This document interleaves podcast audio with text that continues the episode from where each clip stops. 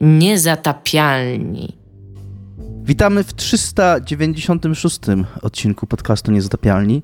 Witamy dzisiaj we dwójkę, bo stwierdziliśmy, że dużo tego dyktatu kobiet w game devie, że jest to branża sfeminizowana tradycyjnie i same baby wszystkim rządzą, więc dzisiaj we dwóch facetów pokażemy odmienne i oryginalne spojrzenie na giereczki. Dominik ja dopiero nazywam... co był miły dla Igi na, na, na, blogu, napisał dla niej artykuł, to teraz, teraz musi być niemiły na żywo.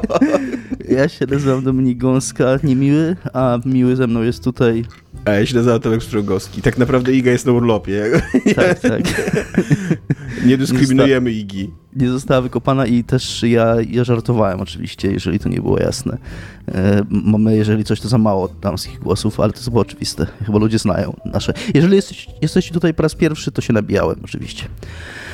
E, I tak, i będziemy dzisiaj rozmawiać o tym, jak. Natomiast mamy, nie wiem czy wiesz, ale mamy bardzo dużą nadreprezentację y, LGBT w game devie. Jest to jest to fakt, przynajmniej taki wynikający z powierzchownych badań, jeżeli chodzi o e, przekrój jakby społeczny game devu, robionych na tym GDC, tak? Mhm. E, I tam wychodzi, że mniej więcej 20-25% twórców gier, przynajmniej biorą, biorących udział w tej ankiecie, to są, należą do LGBT mniejszości, co nie? Co mhm. jest, znacz, to jest znacznie więcej niż jest zasadniczo w społeczeństwie. Liczy się, że, że średnio w społeczeństwie jest to 5 do 10% mniej więcej, co nie? Osób LGBT. Więc mhm. nie wiem, czy mamy kobiet wystarczająco, ale mamy wystarczająco dużo LGBT-ów. Możemy mówić, że przynajmniej na tym froncie jako game dev jesteśmy ok, co nie? tak. Yy, I będziemy dzisiaj po prostu sobie gadać z Tomkiem o pierdołach. Yy, ale zanim przejdziemy do gadania o pierdołach, to co jest grane u ciebie, Tomku? Bo dzisiaj masz dużo grane, ty ja nie mam niestety nic grane, bo gram w rzeczy, o których nie mogę mówić a poza tym nic nie grałem nowego, więc yy, co ja, jaka jest gra, o której nie mogę mówić? Nie wiem, czy mogę powiedzieć to, ale być może niedługo wychodzi duża, głośna gra, która jest być może nową wersją gry, która kiedyś była, kto wie, tak jeszcze się A ja dzieją. być może skończyłem Resident Evil 1, żeby być na bieżąco. Nie jest to w ogóle nie związane w żaden sposób, albo tak. jest, nie wiem. Ale o tym, nie będziemy, o tym nie będziemy mówić, o tym będziemy mówić za tydzień, a dzisiaj Tomek będzie mówił, co jest grane u niego. Tak, ja, ja przede wszystkim chciałbym tylko powiedzieć, że y, oglądamy serial For All Mankind, który Dominik nam polecił i chciałem powiedzieć, że Dominik go trochę... Yy, trochę był zbyt łaskawy moim zdaniem dla niego, bo to jest bardzo dobry serial w pierwszym sezonie, bo on jeszcze w pierwszym sezonie się mocno trzyma takiego klimatu właśnie NASA, jakichś tam pionierskich czasów NASY i, i wysyłania ludzi w kosmos i to, to wysyłanie ludzi w kosmos jest istotne dla tego serialu. Natomiast na trzecim etapie, na trzecim sezonie jak już jestem, to w ogóle wydaje mi się, że ten kosmos nie jest, nie jest ważny dla tych ludzi. To, jest, to się stał totalnie taki serial obyczajowy i to jeszcze e, w, tak jak Dominik mówił, w takim bardzo melodramatycznym, telenowelowym wydaniu jest cała ta osobista drama autentycznie tam każdy z każdym już nie chodzi do łóżka. Tak.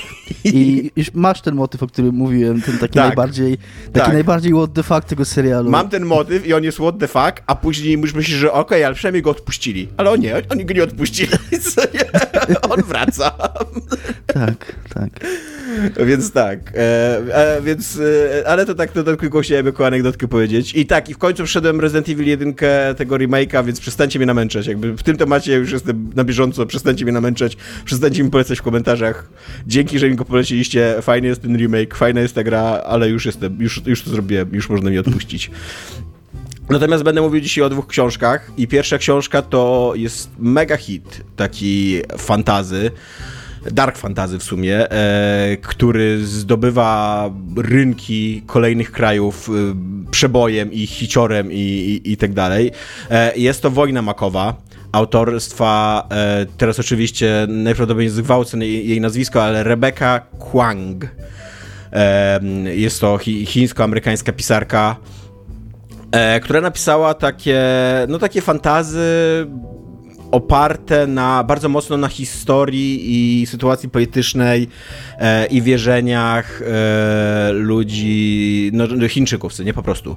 E, I przy, o, oparta przede wszystkim na wojnie, na wojnach nie tylko jednej wojnie, ale tam całym, całym cyklu wojen i, i starć jakichś cywilizacyjnych, historycznych i tak dalej, pomiędzy Chinami a Japonią.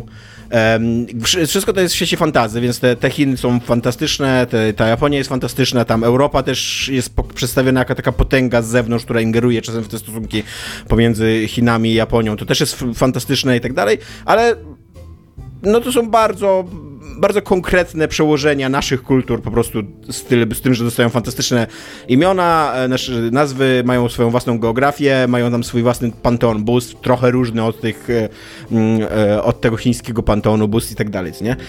Jest to książka, po której ja sięgnąłem trochę niepewnie, bo mówię, to jest taki gigantyczny hicior, ona w ogóle była nominowana do, nagru- do nagrody um, Mm, mm, mm, nie już patrzę, do Nebuli, do tak, nagrody Nebuli, Nebula, Mhm. E, więc, e, e, więc wydawało się, że to jest jakiś taki straszny hicior, ale jednocześnie mi się zawsze wydawało, że ona jest taką młodzieżową, taką trochę doroślejszą wersją Harry'ego Pottera, nie? E, I dlatego do niej niechętnie podchodziłem. I e, okazało się, że miałem rację, a jednocześnie nie miałem rację. I, e, i zasadniczo będę raczej odradzał. Jakby bardzo mi się ta książka nie podobała koniec końców, bo ona e, zaczyna się jak właśnie taki Harry Potter. Zaczyna się totalnie o, o tym, że jest sobie sierota, Rin, taka dziewczyna, która tam... Przepraszam, pomyślałem, że powiedzia... na początku zrozumiałem, że powiedziałeś, że zaczyna się tak, że jest środa i tam... tak, a kończy się w sobotę. Nie, nie, jest sobie sierota, Rin, taka dziewczyna, która nic nie wie o, swoi, o swoim pochodzeniu, czy ono jest tajemnicze, czy tam się okaże jakieś niesamowite rzeczy w tej pochodzeniu, w linii genealogicznej. Jak myślicie, drodzy czytelnicy, co nie? W każdym razie jest sobie sierota, ona żyje gdzieś tam na jakiejś prowincji, jest poniewierana przez swoich mm, przybranych rodziców, ale kocha bardzo swojego przybranego brata i tak dalej i ona, jego jedyny sposób, żeby się wyrwać z takiej...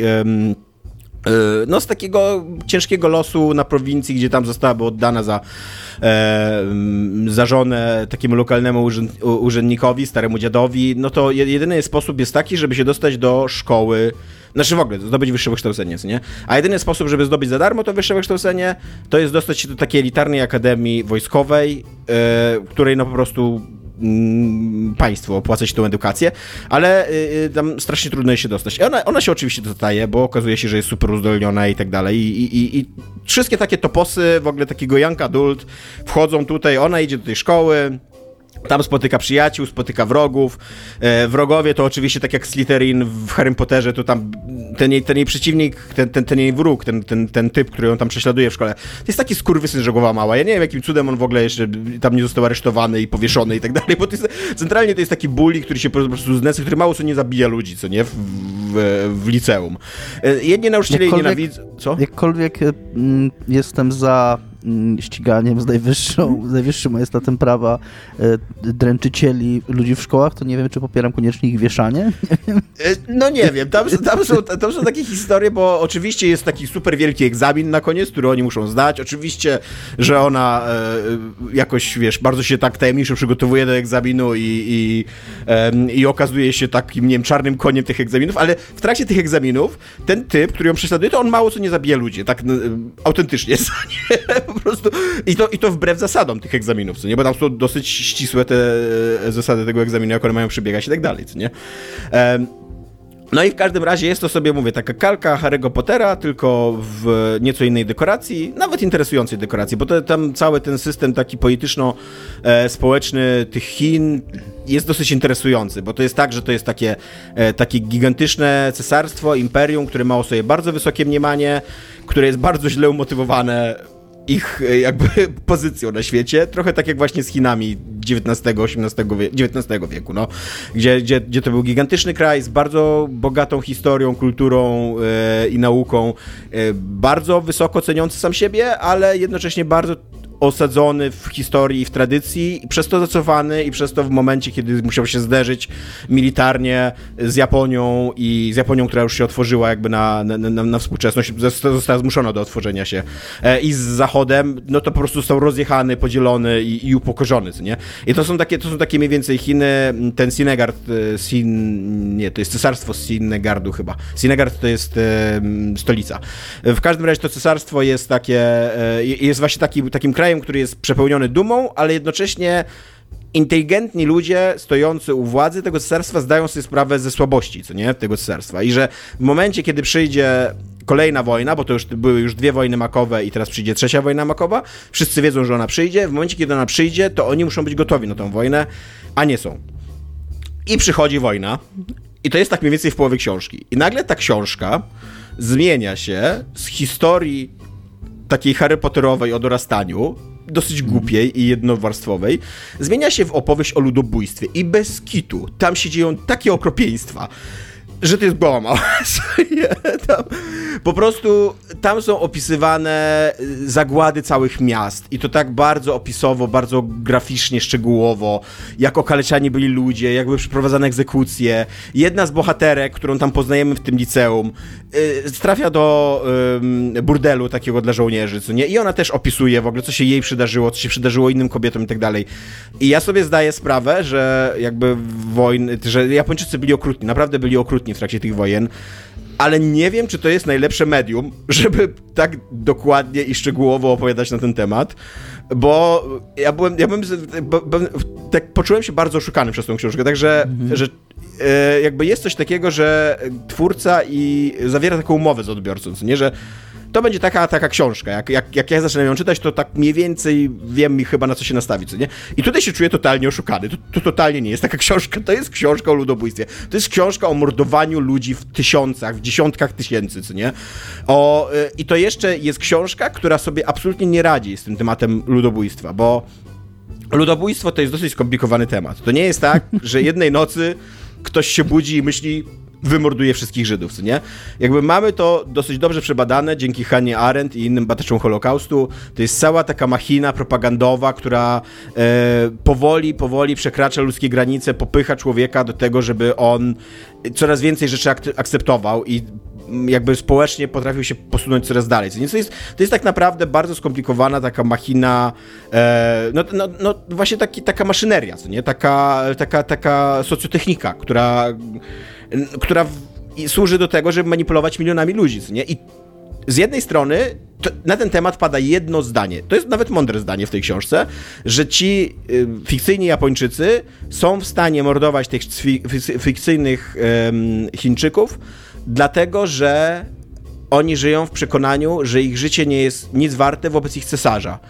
A skoro ich życie nie jest nic warte wobec ich cesarza, jakby skoro oni służą jakby Bogu cesarzowi, to jak mało musi być warte dla nich życie jakiegokolwiek innego człowieka, co nie? Poza tą, poza, poza tą fikcyjną Japonią, co nie? I, I to jest nawet mądre zdanie, tylko ono pada raz, a później cała reszta tej książki jakby przeczy temu zdaniu, bo to ta, ta, ta fikcyjna japońska, e, fikcyjna, Japoń, fikcyjna Japonia nazywa się e, Mugen. E, te, temu, temu zdaniu, dlatego, że jako, że to jest książka, takie klasyczne fantazy, hero fantazy, oparte na jednej postaci, oparte na podróży tej postaci, na przemianie tej postaci i ta postać jest w centrum tej książki, to bardzo szybko okazuje się, że ludobójstwo jednak jest jednostkową decyzją jednostkowego człowieka i jest y, taką bardzo y, decyzją podejmowaną w emocjach, nie na Wybór zimno, moralny. nie z Robisz ludobójstwo, czy nie robisz ludobójstwa? Tak, tak, dokładnie, dokładnie. E, I no i jakby to, to jest tak, że z jednej strony siadam do tej książki, w ogóle się nie spodziewam, że ona będzie o tym. Ona jest o tym, ja się czuję oszukany, a do tego ona jest bardzo źle o tym, o czym jest. No właśnie, bo to mnie zastanowiło w tym, co powiedziałeś, bo wydaje mi się, że akurat potrafią być interesujące dzieła fikcji, które jakoś tam zaskakują cię, żeby są o czymś innym niż są. Tak, to się mówi, że ci dywan spod nóg e, wyciągają. Potrafią myślisz, być, tak. To się jego samo to w sobie nie jest złe, tylko właśnie jeżeli to potrafi umiejętnie o tym być. Tak, potrafią, to, to nie jest prosta sztuka, właśnie takie e, wyciąganie dywanu właśnie spod nóg czytelnika, co nie? E, no tutaj wybitnie przez połowę książki i jest totalnie ta książka po prostu Harrym Potterem w chińsko-japońskich dekoracjach, co nie? E, i, I ten przeskok, wiesz, no jakbyś, jakbyś oglądał film o Harrym Potterze i, i nagle to by się stało bardzo realistyczny dramat, znaczy właśnie nie realistyczny, no ale mniejsza z tym, co nie? Ale realistyczny dramat o Holokauście. Jakby nagle Harry Potter trafiał do obozu zagłady, co nie? To byś się tak zastanowił, kurde, co, czy ja dobrze wybrałem film, na którym jestem w kinie? Co? No moim ulubionym przykładem, wiem, że go przywołałem milion razy, ale moim ulubionym przykładem takiego zabiegu jest In Bruges. Film, który ja totalnie oglądałem ze znajomymi w takim nastawieniu, że to będzie śmieszna komedia, taki buddy cop comedy o dwóch typach, co tam mają przygody sensacyjne. Tak, się... ty, tylko że wiesz co, akurat z Inbrusz jest trochę inna sytuacja, bo Inbrusz jest innym filmem niż był marketingowany. On, Inbrusz jest od początku takim dosyć e, gorzko, To też gorzko prawda słodką jest. komedią, co nie? Bo, e, no bo tam na, praktycznie na początku ginie dziecko, co nie? No właśnie to dziecko to nie jest prawda, że ono ginie na, ono ginie na początku. To jest, to jest taki twist w tym filmie, który jest, spoilers, który jest po, dobrych, do, po dobrej pół godzinie. Tam na początku wcale nie jest to jasne takie. Jasne, że to przy okazji dodatkowa warstwa była taka, że on był, w ogóle nie, nie był sprzedawany jako dramat, był sprzedawany totalnie jako komedia, ale to, ten motyw z dzieckiem, ja pamiętam to doskonale, bo to mi się nawryło w pamięci jak, y, bardzo, że oglądaliśmy ten film, tam sobie piliśmy piwko i było wesoło, ha, ha, ha, i potem takie jest ta scena właśnie ze spowiedzią i mieliśmy takie, okej, shit is getting serious, nie? Jakby nie na to się pisaliśmy, ale jesteśmy na pokładzie, nie?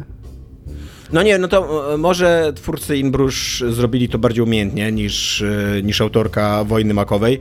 A do tego mówię, e, to jest książka, która koniec końców chce być efekciarska, chce być opowieścią fantazy, o wielkich pojedynkach, o wspaniałej tam, wiesz, przyjaźni e, wykuwanej na polu walki, o poświęceniu, o, o tam płonących wojownikach ruszających naprzeciw całej armii i tak dalej, co nie?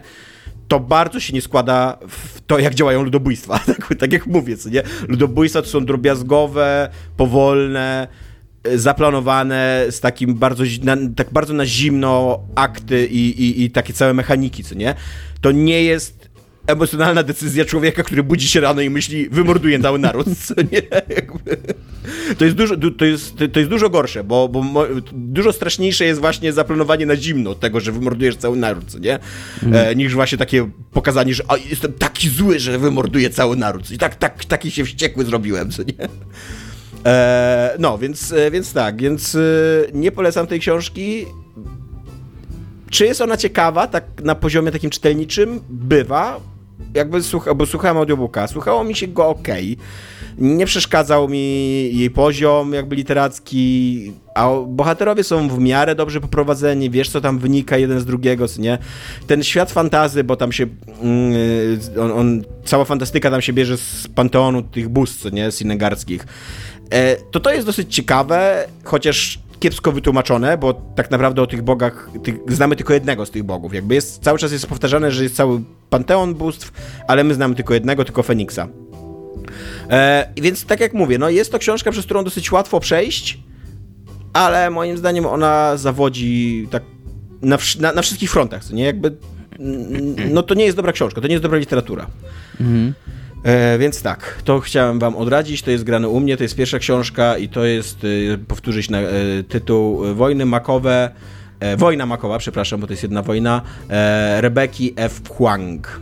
Co, co w ogóle jest dosyć mylące dla mnie, bo tych wojen tam jest trzy, co nie, w tej książce, więc, więc zawsze jak opowiadam komuś o tej książce, to zawsze mówię w liczbie mnogiej, ale tu chodzi o tą konkretną wojnę makową, która wybucha w, w trakcie czytania tej książki. No, to to jest moje pierwsze no. zgrania. Dominiku, oddaję Tak. ci głos. E, Dziękuję Tomku, dziękuję. Tak jak mówiłem, zebraliśmy się dzisiaj tutaj, żeby dyskutować e, na fali Fire Emblem Engage, które zacząłem grać, bo Tomek mi pożyczył i, i zacząłem grać i gra mi się bardzo fajnie i zgodnie z e, radą Tomka wybrałem poziom trudności hard i permadeath. Natomiast w odróżnieniu od Tomka, jako że ten hard jest dla mnie dość trudny jednak, to namiętnie tam i bez naj, najmniejszego poczucia winy używam tego mechanizmu cofania czasu, który jest w tej grze. Także jeżeli zrobię coś źle, to po prostu cofam czas i, i poprawiam to i jakby nie mam z tego powodu y, żadnych wyrzutów sumienia czy, czy, coś, czy czegoś takiego.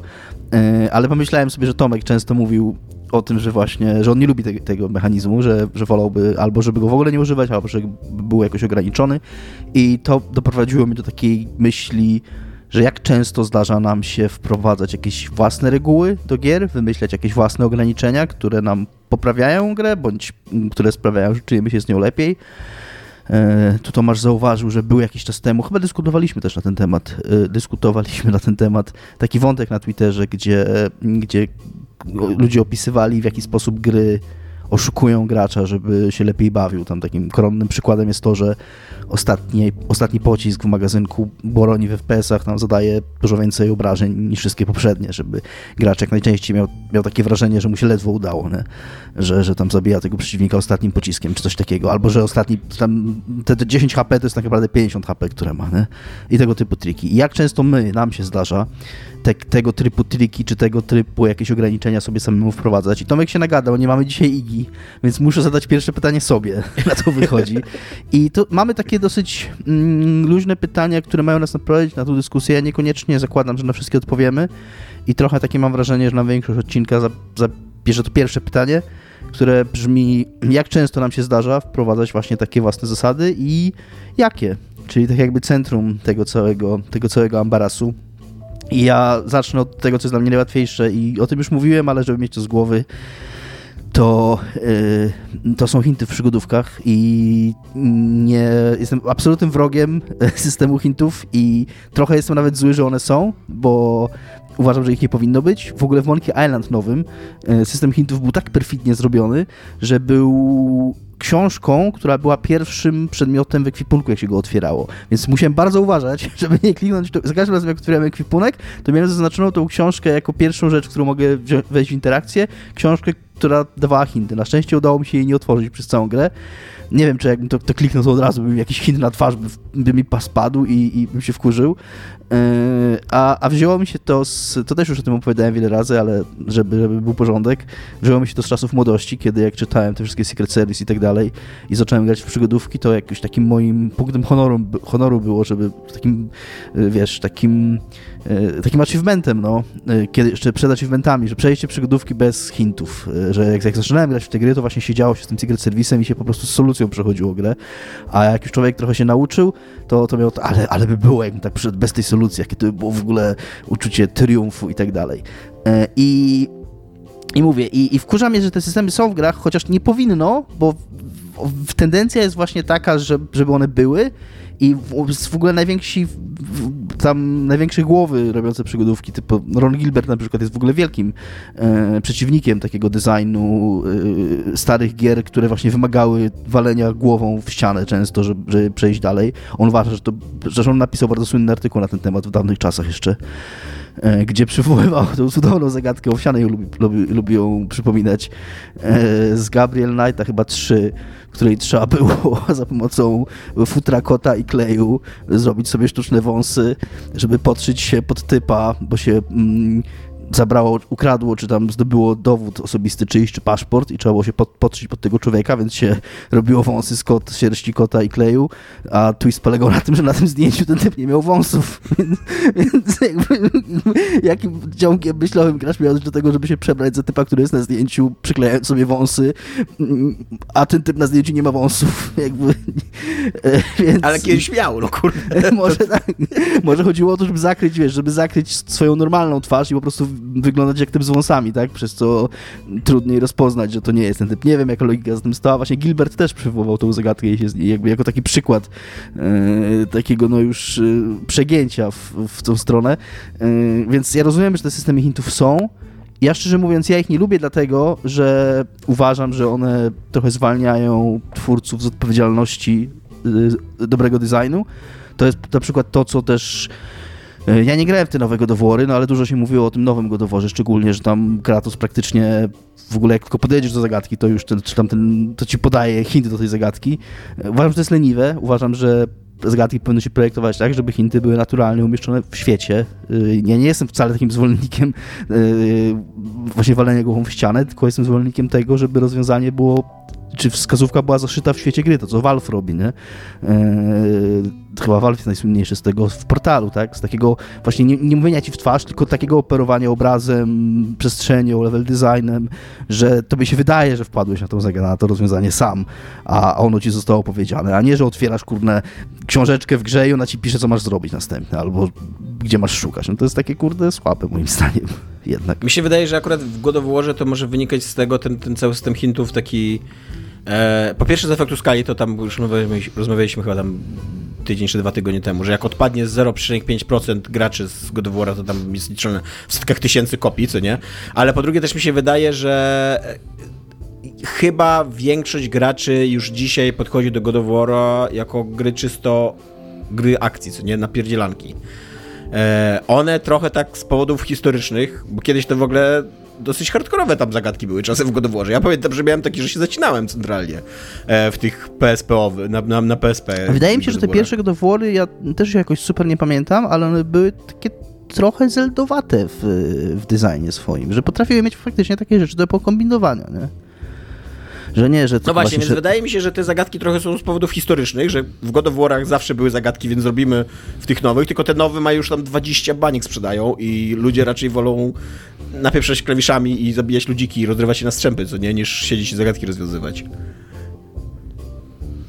E, czy ty masz, Tomku, jakąś taką e, swoją zasadę, taką najbardziej oczywistą na początek? Będziemy od najbardziej takich oczywistych dla nas do najbardziej dziwnych albo no, takich...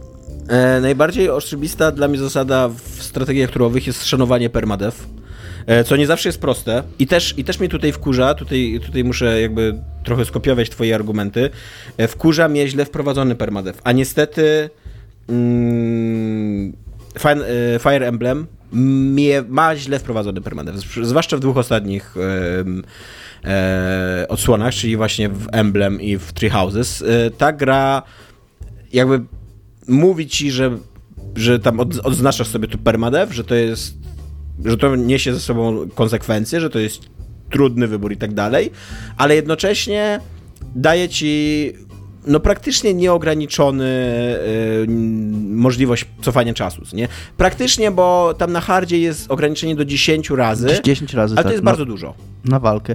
Też mm, autentycznie miałem już takie, szczególnie to, ten level y, na razie, no nie jestem jakoś super daleko, ale ten level y, w sali tronowej, Mhm. E, to tam autentycznie miałem, no musiałem parę razy powtarzać tam ten cofać, ale tam może 3-4 razy cofnąłem w trakcie i w ogóle nie, nawet się nie zbliżyłem do tej granicy, żeby, żeby czuć, że mi zaraz się skończą te cofnięcia czasu. No właśnie, więc to, to też trochę wynika, mi się tak wydaje, z takiego leniwego designu, że w momencie, kiedy pozwalamy ci zabijać bohaterów, to musimy wymyślić coś, co zrobić z tą grą, jak, za, jak, jak umrą ci bohaterowie, nie?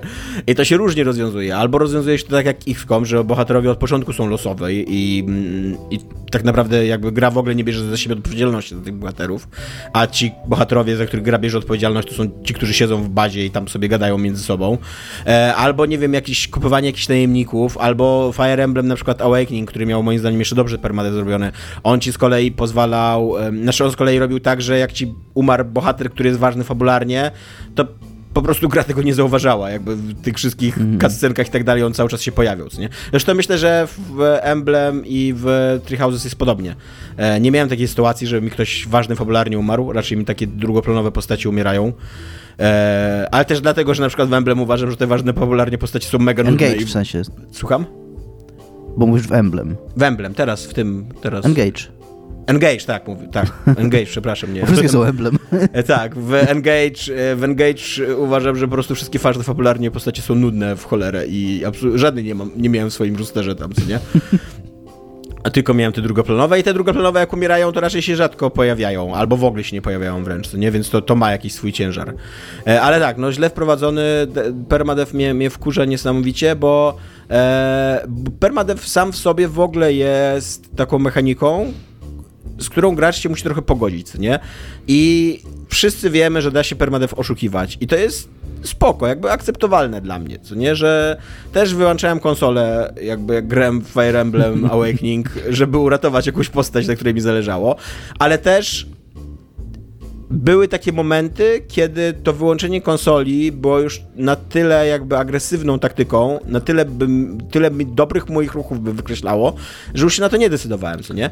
A Swoją tutaj... drogą, ja no. ci powiedziałem, że teraz o tym sobie pomyślałem, ja ci powiedziałem, że fajne jest to, że teraz y, po misji czy w każdym momencie tak naprawdę można nacisnąć restart i zacząć od początku, jakby cofnąć wszystko, co się stało, jakby pomijając nawet cofanie czasu, tylko po prostu zrobić restart misji. Tak. E, I jak ci to pisałem, to miałem wrażenie, że super, że to zrobili, ale teraz jak do mnie mówisz, to ja też pamiętam, ja, ja grałem z kolei na jakiś stary Fire Emblem, jeszcze był na Game Boy Advance, grałem na DS, ale wersja była z Game Boy Advance i tam też trzeba było po prostu wyłączyć konsolę w trakcie, żeby ominąć permadev i że to było coś takiego, że jednak jasne, mogę to robić, ale jednak czuję, że robię może nie coś złego, ale że to jest jakiś tam tak, dokładnie. Że, że wolę tego jednak nie robić, że okej, okay, gra to umożliwia w jakimś tam sensie, ale jednak y, y, to też y, swego czasu to chyba Josh Sawyer powiedział, mówiąc o różnicy pomiędzy y, oszukiwaniem gry wewnątrz gry, a jakby poza grą. Że jeżeli gracz wychodzi poza grę i poza to, co jest w grze zaprojektowane, to jakby designer nie ma nad tym kontroli, więc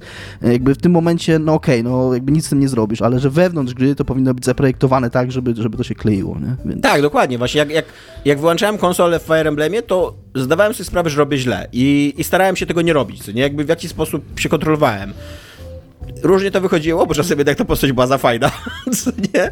Ale, ale jakby miałem taką, miałem taką świadomość. A teraz jak masz te 10 kurde cofnięć czasu, jak masz restart, który ci gra sama daje i tak dalej, to mam takie wrażenie, że kurde, no to nie jest permadev, co nie? To, to, to nie jest, dla mnie, dla mnie te, te, ten, ten Engage i Three Houses to nie są gry z permadev, o tak bym powiedział, nie? Ja mam coś podobnego w tym, w, nawiązując do tego. Yy, gram teraz trochę e, grałem ostatnio w Baldur's Gate 3 e, i też gram z Owsianym w Divinity 2 znowu od początku. Zaczęliśmy, nie wiem jak ten projekt e, się potoczy. Grałem też w Divinity 2 długo sam, jak wyszło. I niestety to, czego strasznie nie lubię w grach Lariana i to ma i Divinity 1 i 2 i Baldur's Gate, to to, że w tych grach można saveować i loadować w trakcie walki. I staram się tego nie robić, i jakby mam taką zasadę, że, że jak zaczynam walkę, to nie ruszam przycisku save load, ale niestety, teraz znowu powtórzę IG, te gry potrafią być, mieć bardzo analny game design i to jest coś, co Larian, w czym Larian się lubuje, czyli ludzie niektórzy to lubią, jakby okej, okay, czyli robienie takich trochę walk, które są zagadkami logicznymi, Y, że na przykład musisz, albo gra się spodziewa, że ty będziesz wiedział, co się w trakcie jej wydarzy i że odpowiednio sobie rozstawisz na przykład swoje postacie, że nie jesteś w stanie tak naprawdę, albo jeżeli jesteś, no to musisz być tam super dobry, mieć jakieś super dobre buildy i tak dalej, ale że, że jakby gra oczekuje, że ty podejdziesz do niej już któryś raz, że tam będziesz sobie wczytywał i tam będziesz optymalnie wiedział, jak te ludziki rozstawić. I, I to jest znowu ten sam problem, co z designem zagadek w przygodówkach, że trochę taka możliwość dawania graczowi cofnięcia, to, to jest trochę takie cofanie czasu, nie? Możliwość zrobienia save load w każdym momencie, dowolna ilość save'ów w trakcie walki. To trochę zwalnia designera z, z, obowiązku dobrego zaprojektowania tych, tych, tych walk i niestety no jest w Baldur's Gate jedna taka w tym Early Access. Teraz jak grałem w niego drugi raz, to mi się super ogólnie grało i jakby nie, miałem dużo mniejsze problemy z tymi walkami niż, niż za pierwszym razem.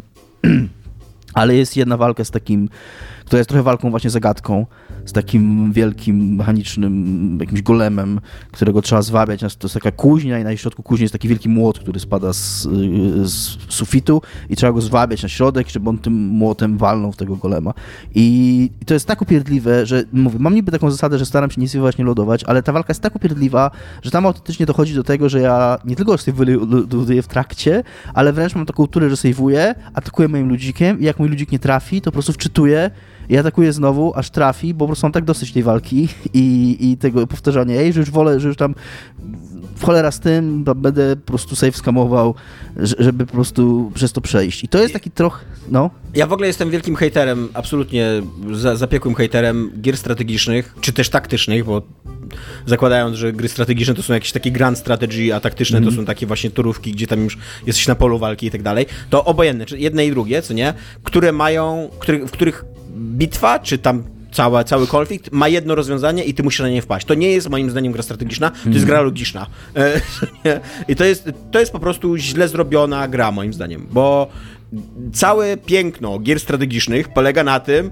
że ty e, masz wpływ na to, co robią te twoje wojska, jak one się posuwają i tak dalej, i że ta twoja yy, strate- no właśnie strategia jest twoja, nie, nie, jest, nie jest twórców, tylko jest twoja.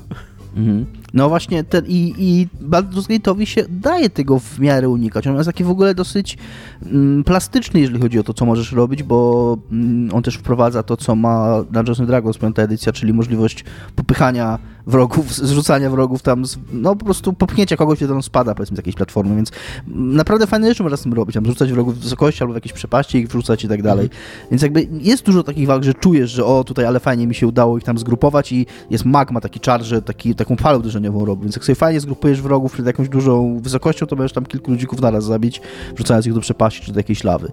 I to jest fajne i nie rozumiem o co chodzi z tym enkanterem i czemu oni tak go zaprojektowali, że właśnie, że musisz konkretnie kuna wpaść na to, żeby tym młotem w niego walnąć. E, oczywiście musiałem to wygooglać, bo jestem za głupi na to najwyraźniej, e, ale też nie uważam, żeby gra to... Chociaż wydaje mi się, że teraz w Early Access, jak gram w tym, no, po tym nowym patchu, jak gram, to ona trochę bardziej to sugeruje niż wcześniej, więc oni pewnie jeszcze tutaj coś tam robią.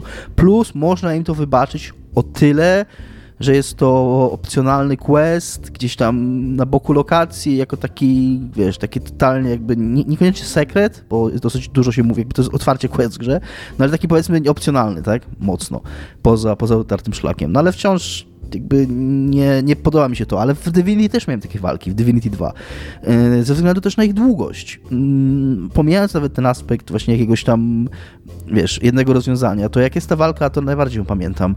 E, na koniec pierwszego aktu z tym Aleksandrem, gdzie jest ten statek i tak dalej, tam ta walka trwa nas godzinę. Tak. I, i, I jak ja sobie myślę o tym, że musiałbym ją, kurna, bo mi jakiś ludzi umrze, coś źle pójdzie, albo coś źle zrobię i powtarzać to wszystko od początku, to jest, kurna, takie wyzwanie. I, i że, że po prostu mi się, kurde, nie chce, no.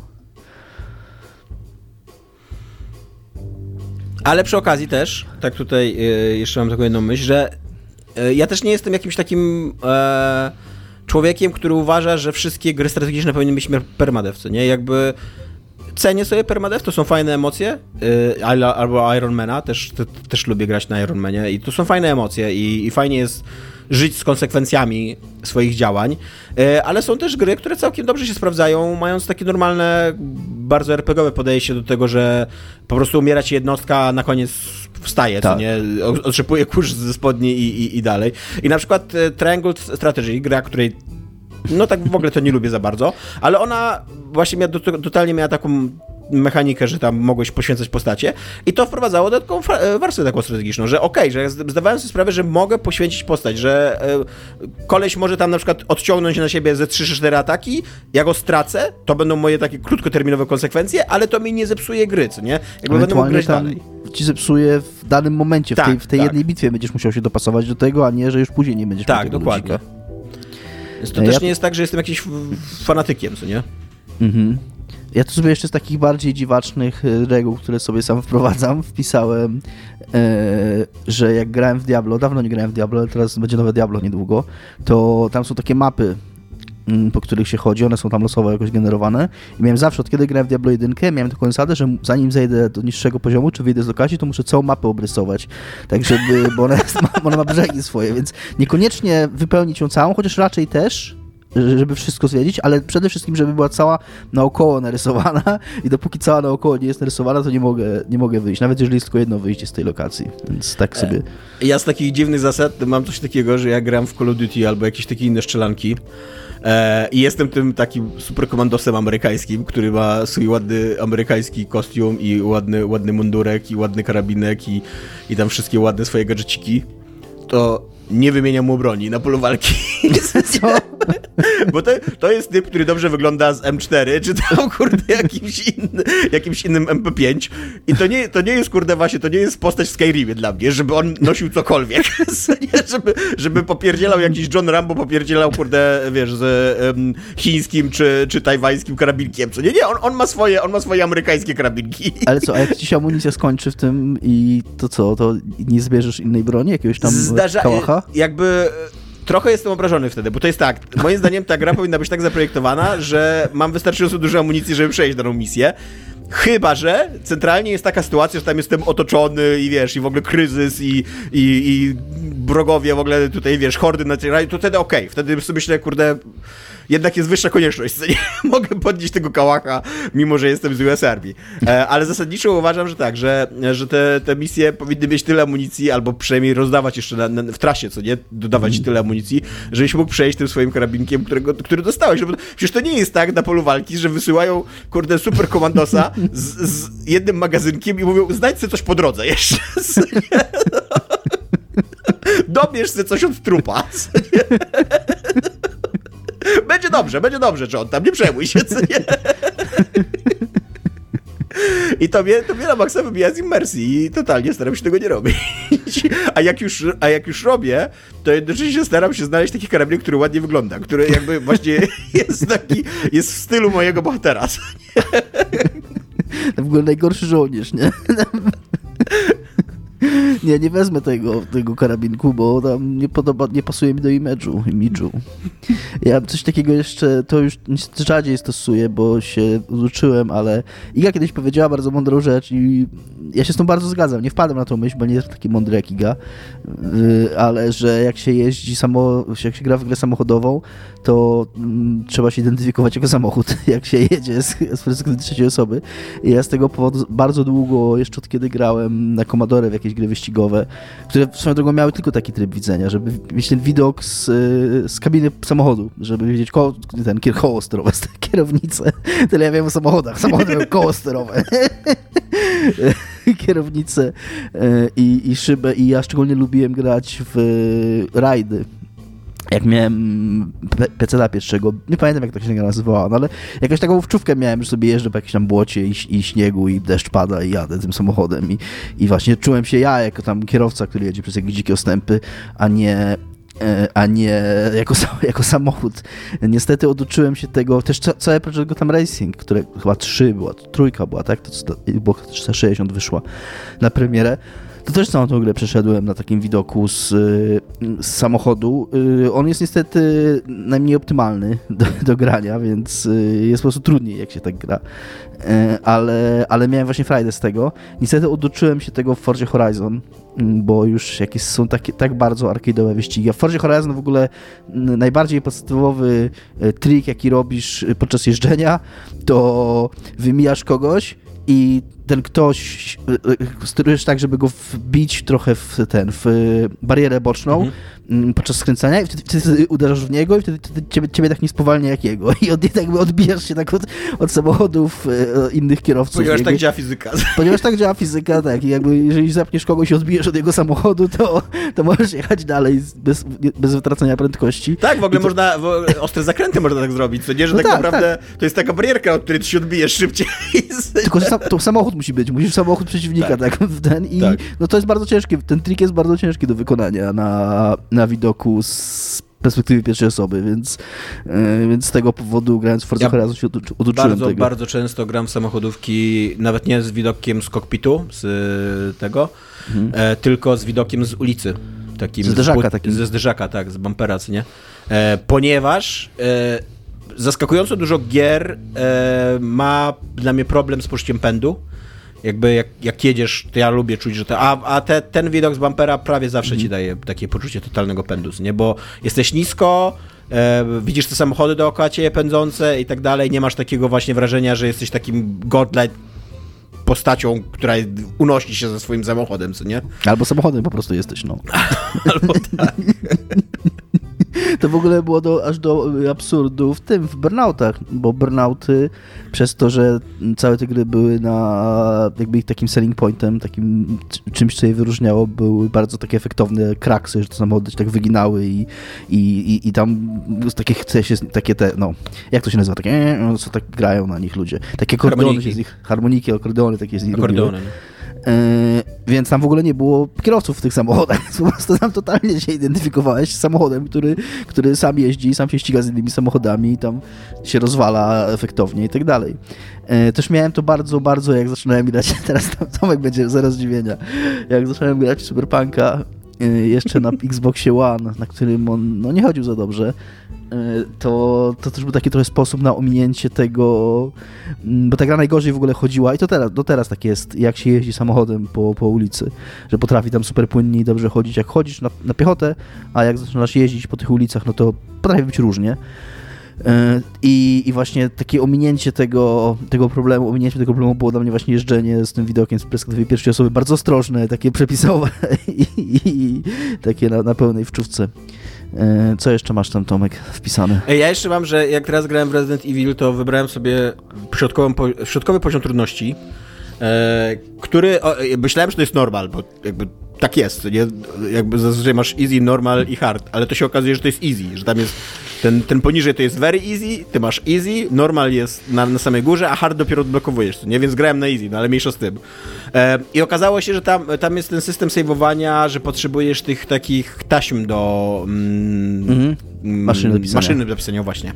E, I to jest bardzo spoko w ogóle mm, mechanika, której mi brakuje trochę w dzisiejszych grach. Uważam, że, że częściej że saveowanie gry częściej powinno być strategiczną decyzją, że to daje bardzo duże pole takie decyzyjne dla gracza, co nie, że e, i, i właśnie też fajnie wprowadza jakieś ryzyko, jakieś tam igranie z grą i, i, i podbija stawkę i tak dalej.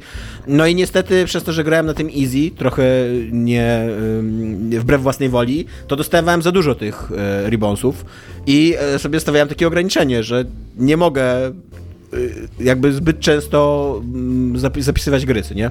Że jakby pomimo tego, że miałem ribonsy i pomimo tego, że był save room tuż obok mnie, to sobie, to sobie mówiłem, nie, Tomek, idziesz przed siebie, nie? musisz zrobić jeszcze tego questa powiedzmy do końca tam i dopiero wtedy będziesz mógł zasejwować, bo na razie jeszcze tutaj za niska stawka jest. Nie? Ja w ogóle kiedyś powiedziałem i wciąż się z tym trochę zgadzam, że sejwowanie jest prawem, nie towarem, znaczy może nie tak to powiedziałem, ale jest, jest prawem człowieka i gdy nie powinno ograniczać sejwowanie. Więc trochę się chciałem wycofać z tego i powiedzieć, że wciąż tak uważam, ale na przykład teraz sobie o tym pomyślałem, że co by też pogodziło to, co ty powiedziałeś o Resident Evil i też to, co ja wcześniej powiedziałem o mm, Divinity i tak dalej, te gry powinny mieć po prostu save and exit. To znaczy jest zupełnie czymś innym, jeżeli gra ci pozwala po prostu luźno zapisywać, wczytywać kiedy chcesz, a gdyby tam po prostu, okej, okay, nie możesz tego robić w trakcie, ale jeżeli musisz zakończyć grę po prostu z jakichś mhm. powodów, no to możesz wczytać, zamknąć i wczytać, y, zapisać i zamknąć. I to wciąż daje pole do oszukiwania tego systemu, no ale czujesz, że jednak się wtedy oszukujesz, tak? I że to nie jest coś, że gra nie jest zaprojektowana wokół czego, że wokół tego, że gra ma być zaprojektowana tak, żebyś ty nie wczytywał w trakcie i nie, nadu, nie, jakby nie nadużywał tego systemu zapisu i saveowania, a jednocześnie pozwalała ci zasejwować w każdym momencie, kiedy chcesz grę zakończyć. Ja jeszcze z takich dziwnych sobie tu wypisałem, chyba najdziwniejsza moja, nie wiem czy ja do tego się kiedykolwiek przyz, y, przyznawałem, ale to, to no nie, to najpierw ta mniej dziwna. Mniej dziwna już możecie znać yy, moją, to znaczy bardzo lubię spać i jeść, jak gry na to pozwalają i jak, szczególnie jak gram w gry Bethesdy, yy, ale też jak grałem ostatnio w Pilarsy, to bardzo się staram, żeby jeżeli chodzę po świecie, to że moja drużyna spała w nocy, a, a chodziła później za dnia i najlepiej, jeżeli tak wyjdzie, że w ogóle przygoda się skończy wieczorem i pójdziemy w tawernie spać i później wyjdziemy następnego rana na następną przygodę, to jest po prostu idealna, idealnie się gwiazdy ułożyły. Ja mam trochę takie połączenie tego i tego, co mówiliśmy o sejwowaniu, że jak gram w horrory, a ostatnio trochę gram w horrory, to, to pozwalam sobie zasejwować albo w ogóle zrobić sobie przerwę w grze, tylko w momencie, kiedy mój gracz jest w takiej jasno bezpiecznej sytuacji, co nie? Tak. tak. Jak, jak słyszę jakąś muzykę podniesioną albo coś, to nie zostawię tak tego ludzika, jakby nie, nie, nie zawieszę go na dwa dni, że, że coś tam na niego lurka, co nie za rogiem, nie, nie zrobię mu tego. Muszę znaleźć taki pokój, że muzyka się uspokoi. Tak. Wtedy okej, okay, wtedy mogę zrobić tam save'a i naraz. I tak samo w wielu grach, y, tych RPGach można, są może takie dialogi, które możesz mieć ze swoimi członkami drużyny, to też się staram, żeby te dialogi prowadzić w kiedy jest bezpiecznie.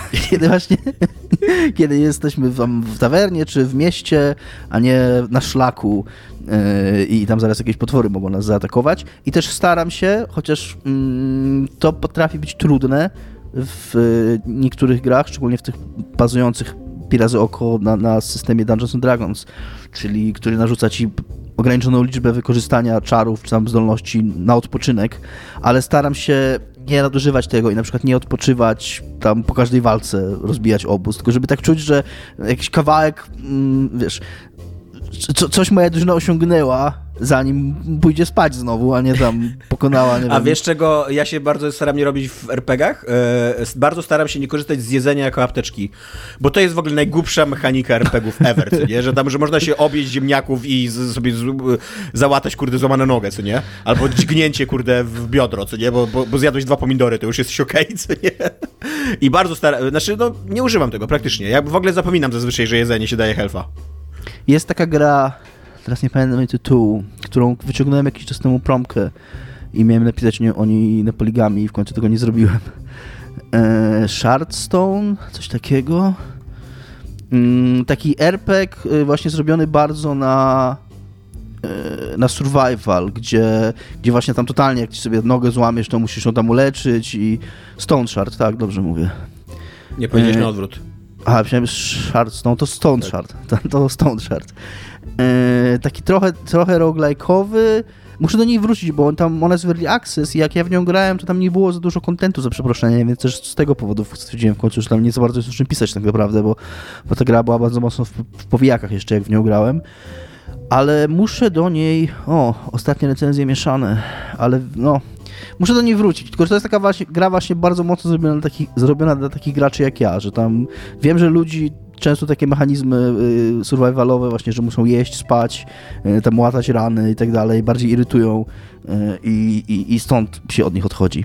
A moją najdziwniejszą i teraz, znaczy to nie jest też chyba aż takie super dziwne, nie wiem, ale tak to sobie na koniec zostawiłem, zasadą, którą mam, to ilekroć w jakiejś grze powtarzam, z jakiegoś powodu wczytuję save'a, i wcześniej miałem jakieś, moja, moi ludzie, są jakieś rozmowy, że możesz pogadać z kimś, masz walkę z bossem i wcześniej możesz pogadać z jakimiś ludźmi, to jak wczytam, nawet jeżeli te rozmowy są opcjonalne i nie muszę ich odbyć przed tą walką, to ja i tak za każdym razem je przeklikuję, bo mój ludzik musi wiedzieć to. Jakby to nie wystarczy, że to, jeżeli to postacie dają jakieś informacje o świecie, czy jakiś kontekst, to nie wystarczy, że ja go poznałem, tylko jak wczytałem grę, to postać, którą gram, jeszcze nie odbyła tych rozmów, więc ona nie wie tego. Więc żeby ona to wiedziała, to muszę za każdym razem, i to, to czasami jest absurdalne, ale za każdym razem przeklikuję wszystkie właśnie jakieś dialogi i... A jak są takie kascenki gadane, to też całą oglądasz? Nie przerywasz? Prze, przeklikuję wtedy, o, o, jak, jak da się ominąć... No nie, no, ale jak to jest taka, że możesz tylko ją przerwać i się skończy, co nie? Wiesz. To, to omijam, jakby to się liczy już. Jakby, mogę, mogę przewinąć, ale byle, byle ona była zarejestrowana, że, że moja postać zagadała. Nie, jakby nie, nie musi cały dialog się o, mówiony odczytać na przykład, czy cała scenka się pokazać, ale ważne, żeby... No bo omijanie cutscenek jakby ja uważam, że skoro omijam tą cutscenkę, ale jakby w świecie gry moja postać się odbyła, więc ma, ma, ma, ma te informacje. Był taki tak... moment, kiedy ona nagle pomyślała, ta boska istota, która nade mną czuwa, nagle zniknęła, ale i tak nie mogę robić żadnych rzeczy, które bym chciał, tylko po prostu biorę udział jakby w takim filmie. Jest taki scenariusz i ja muszę mówić takie rzeczy, tak? On musi wiedzieć, musi, musi mieć pełnię informacji. Jako ja, nie może postać z gry wiedzieć mniej o świecie gry niż ja, no. Więc tak, to jest, to jest taka rzecz najbardziej chyba upierdliwa z moich dziwnych zasad, które sobie takie bardziej OCD małe niż, niż zasady, ale, ale tego się trzymam bardzo. E, Tomek, y, pytałem się ciebie, co jest grane już dzisiaj, więc pytam się ciebie, co jest grane po raz drugi. Nie, nie przemyślałem tej przejściówki. E, jest również u mnie grana książka Domy na dnie morza e, Caitlin Kiernan, e, która jest zbiorem opowiadań takim tributem i, i, wielkim hołdem dla twórczości Lovecrafta. I podobno Caitlin Kiernan jest jedną z najbardziej tam znanych i cenionych następczyń Lovecrafta. E, jest to zbiór opowiadań taki bardzo duży, bardzo obszerny. Tam jest 490 stron, ma ta książka. E, tych opowiadań jest ze 30, bo, nie, bo ona czasem ma takie bardzo krótkie, rzadziej ma dłuższe niż 10-15 stron te opowiadania. Więc tych tekstów jest bardzo dużo. E, I ona ma, e, te domy na dnie morza mają takie podejście do mitologii Cthulhu, e, które ja sobie bardzo cenię i z którym ja się zgadzam, że w mitologii Cthulhu zasadniczo najbardziej przerażające nie są jakieś tam potwory, nie są jakieś właśnie tam, nie, nie jest sam Cthulhu czy coś takiego, tylko jest skala w mitologii Cthulhu największa, pra- na, najstraszniejsza, co nie? I prawdziwym potworem jest człowiek. człowiek. nie, nie, prawdziwym potworem jest czas i prawdziwym potworem jest przestrzeń. Bo po pierwsze w mitologii Cthulhu wszystko dzieje się miliony lat wcześniej. Jakby to są, tak, to są stworzenia, których istnienie roz, jest rozpięte tam na eony, co nie na, y, które są jakby cywilizacje starsze niż dinozaury i tak dalej, co nie? E, I to jest takie przerażające, że jakby, że, is, że, że, że istnieją byty, które są tak długowieczne, a jednocześnie tak nieskończenie złe, że ich jakby cała ich, ca, cały ich E, sens ich istnienia, nawet, nawet nie cały, to, to źle mówię, że nie cały ich sens istnienia to jest dokuczyć jakoś człowiekowi, tylko właśnie gdzieś tam pozostawiają sobie jeszcze takie, takie na boku takie, taką możliwość, żeby dokuczyć człowiekowi, żeby jakby pogrążyć go w jakimś, w jakimś e, mm, szaleństwie, chaosie i tak dalej. I to jest przerażające, ale dużo bardziej przerażające dla mnie jest skala, w, przestrzeń w, w mitach Cthulhu. E, I to się zasadniczo z, sprawdza głównie właśnie nie w takiej klasycznej ktulowskiej mitologii, czyli nie tych potworach morskich, które e, gdzieś tam na dnie oceanu, chociaż one też, bo tam ta głębia cała, to, ta, ta czerń i tak dalej, to, to, to jest na maksa przerażające, ale tam jest też cała, te, wśród tych potworów wymyślonych przez Lovecrafta jest cała plejada takich potworów czyhających gdzieś w kosmosie, co nie? I to, że to są właśnie jakieś jakieś takie gigantyczne byty gdzieś tam lata świetne od nas, co nie? które czyhają właśnie od miliardów lat i, i, i, i, na, na jakąś swoją szansę i tak dalej, no to mnie trochę przeraża, co nie? Jakby za, za, każdym razem, jak się myśli o nieskończoności, albo właśnie o, nie wiem, o, o, o głębi takiej niekończącej się, albo właśnie o, e, o przestrzeni, która się nie kończy i tak dalej, to to jest, kurde, straszne, co nie? Człowiek nie jest, nie jest zaprojektowany ewolucyjnie, żeby sobie zdawać sprawę z takich rzeczy, co nie? Żeby chcesz ogarniać się mózgiem. Chcesz ciekawostkę fizyczną, naukową? Dajesz. jest taki kanał fizyczny PBS Spacetime. Kiedyś nam ktoś ze słuchaczy polecił. Jak go czasami oglądał, on jest trochę za bardzo hardkorowo jednak y, naukowy dla mnie. Większość tych filmików na YouTubie, tych kanałów popularno-naukowych są jednak bardziej popularno, a mniej naukowe. Jest też PBS Eons o właśnie o prehistorii i tak dalej. Też bardzo dobry. I, I więc ja nie zawsze ich filmiki rozumiem i nie zawsze je do końca oglądam, ale mieli ostatnio taki materiał właśnie mm, o jakiejś w miarę chyba nowej teorii w fizyce, która zakłada, że w ogóle nie ma czegoś takiego jak przestrzeń. Że, że to, co my uznajemy za najbardziej podstawowe podstawową cechę wszechświata, czyli że tam jest olbrzymia przestrzeń, że to tak naprawdę jest pewna cecha obiektów, że one są w odległości od siebie, a ta, a ta odległość między nimi tak naprawdę nie jest niczym fizycznym, co istnieje. Więc tak, tylko, tylko tyle, tyle z tego zrozumiałem. Tak Czyli nie powinienem się bać przestrzeni, bo ona nie istnieje. Tak, bo, ona, bo jakby nie ma czegoś takiego tak naprawdę jak przestrzeń. Są rzeczy i te rzeczy, odległość między nimi jest pewną cechą tych rzeczy, a nie, a to, co jest pomiędzy nimi jest po prostu nie, nie, nie ma sensu fizycznego. Tak to no dobra, w każdym razie, tak, w każdym razie wracając do e, Caitlin Kiernan, e, e, to to są bardzo dobre opowiadania. Ona w ogóle bardzo dobrze pisze i też ten tom jest dobrze przetłumaczony na polski. Taki Anna Reszka tłumaczyła ją na polski. I to jest taki, taki mm, dobry, klimatyczny język, który bardzo fajnie sugeruje właśnie jakieś takie drugie dno szaleństwa, jakieś takie niebezpieczeństwo czyhające, co nie? A jednocześnie, jako że tam bardzo dużo rzeczy się dzieje gdzieś nad jakimś yy, morzem, jakimś oceanem albo coś takiego, to są zazwyczaj jakieś takie zapadłe, yy, zgniło-zielone miejscowości, takie rybackie, yy, no to, to to jest dosyć plastycznie opisywane, to jest, to jest bardzo fajne i, i, i miło się to czyta jakby literacko, co nie? I, i, i ona się skupia na takim, na takich jakby przypisach do mitologii Cthulhu, nie? To nie są takie opowiadania, jak robił Lovecraft, że tam jak napisał, kurde, yy, Zew Cthulhu, to centralnie ten Cthulhu po prostu wyłazi z oceanu i go tam rozjeżdżają statkiem, co nie? To, to, to jest dosyć mało straszne, moim zdaniem. Uważam, że to jest bardzo słaba, bardzo słaba, bardzo słaby tekst e, Lovecrafta. E, tylko ona zawsze, tutaj, tutaj w, te, w tym, w tym morzu, tych domach na dnie morza, to są takie przypisy jakby do tej mitologii, że to są takie drobne, e, drobne momenty z życia w świecie, w którym mitologia Cthulhu jakoś tam istnieje, co nie? Jest na przykład, tak żeby dać przykład, to streszczę jedno opowiadanie. Tych opowiadań jest 30, mhm. więc to nie będzie jakiś wielki spoiler. No jedno wam streszczę po prostu, co nie? Ale jest takie opowiadanie, em, bazujące trochę na micie o Szeherezadzie, e, opowieści o Szeherezadzie, czy to był mit? Nie wiem. Opowieść chyba bardziej niż mit. Na opowieści o Szeherezadzie, o tym, że jest, jest sobie jakiś facet, który jest niewolnikiem właśnie, niewolnikiem ludzi, którzy służą przedwiecznym, co nie? Więc takie jakieś sekty. Jest tym niewolnikiem, ponieważ on kiedyś przeczytał tajemną księgę, co nie? Aczkolwiek uważa, że ta tajemna księga, którą on przeczytał, oczywiście ona go spaczyła i, i totalnie, ale jakby ta wiedza... Spaczowała. Od... Słucham? Powiedziałem spaczowała. Nie, spaczyła. ale jakby e, ta wiedza dała mu taką możliwość zajrzenia pod tkankę rzeczywistości, dostrzeżenia świata takiego, jaki jest, co nie? Jakby właśnie z tymi wszystkimi mrocznymi potęgami, które tam czyhają na ludzkość, z, tym, z, tym, tą, z tą całą taką nieskończoną y, potęgą zła, która, która gdzieś tam drzemie w kosmosie, na dnie oceanu i tak dalej, i tak dalej.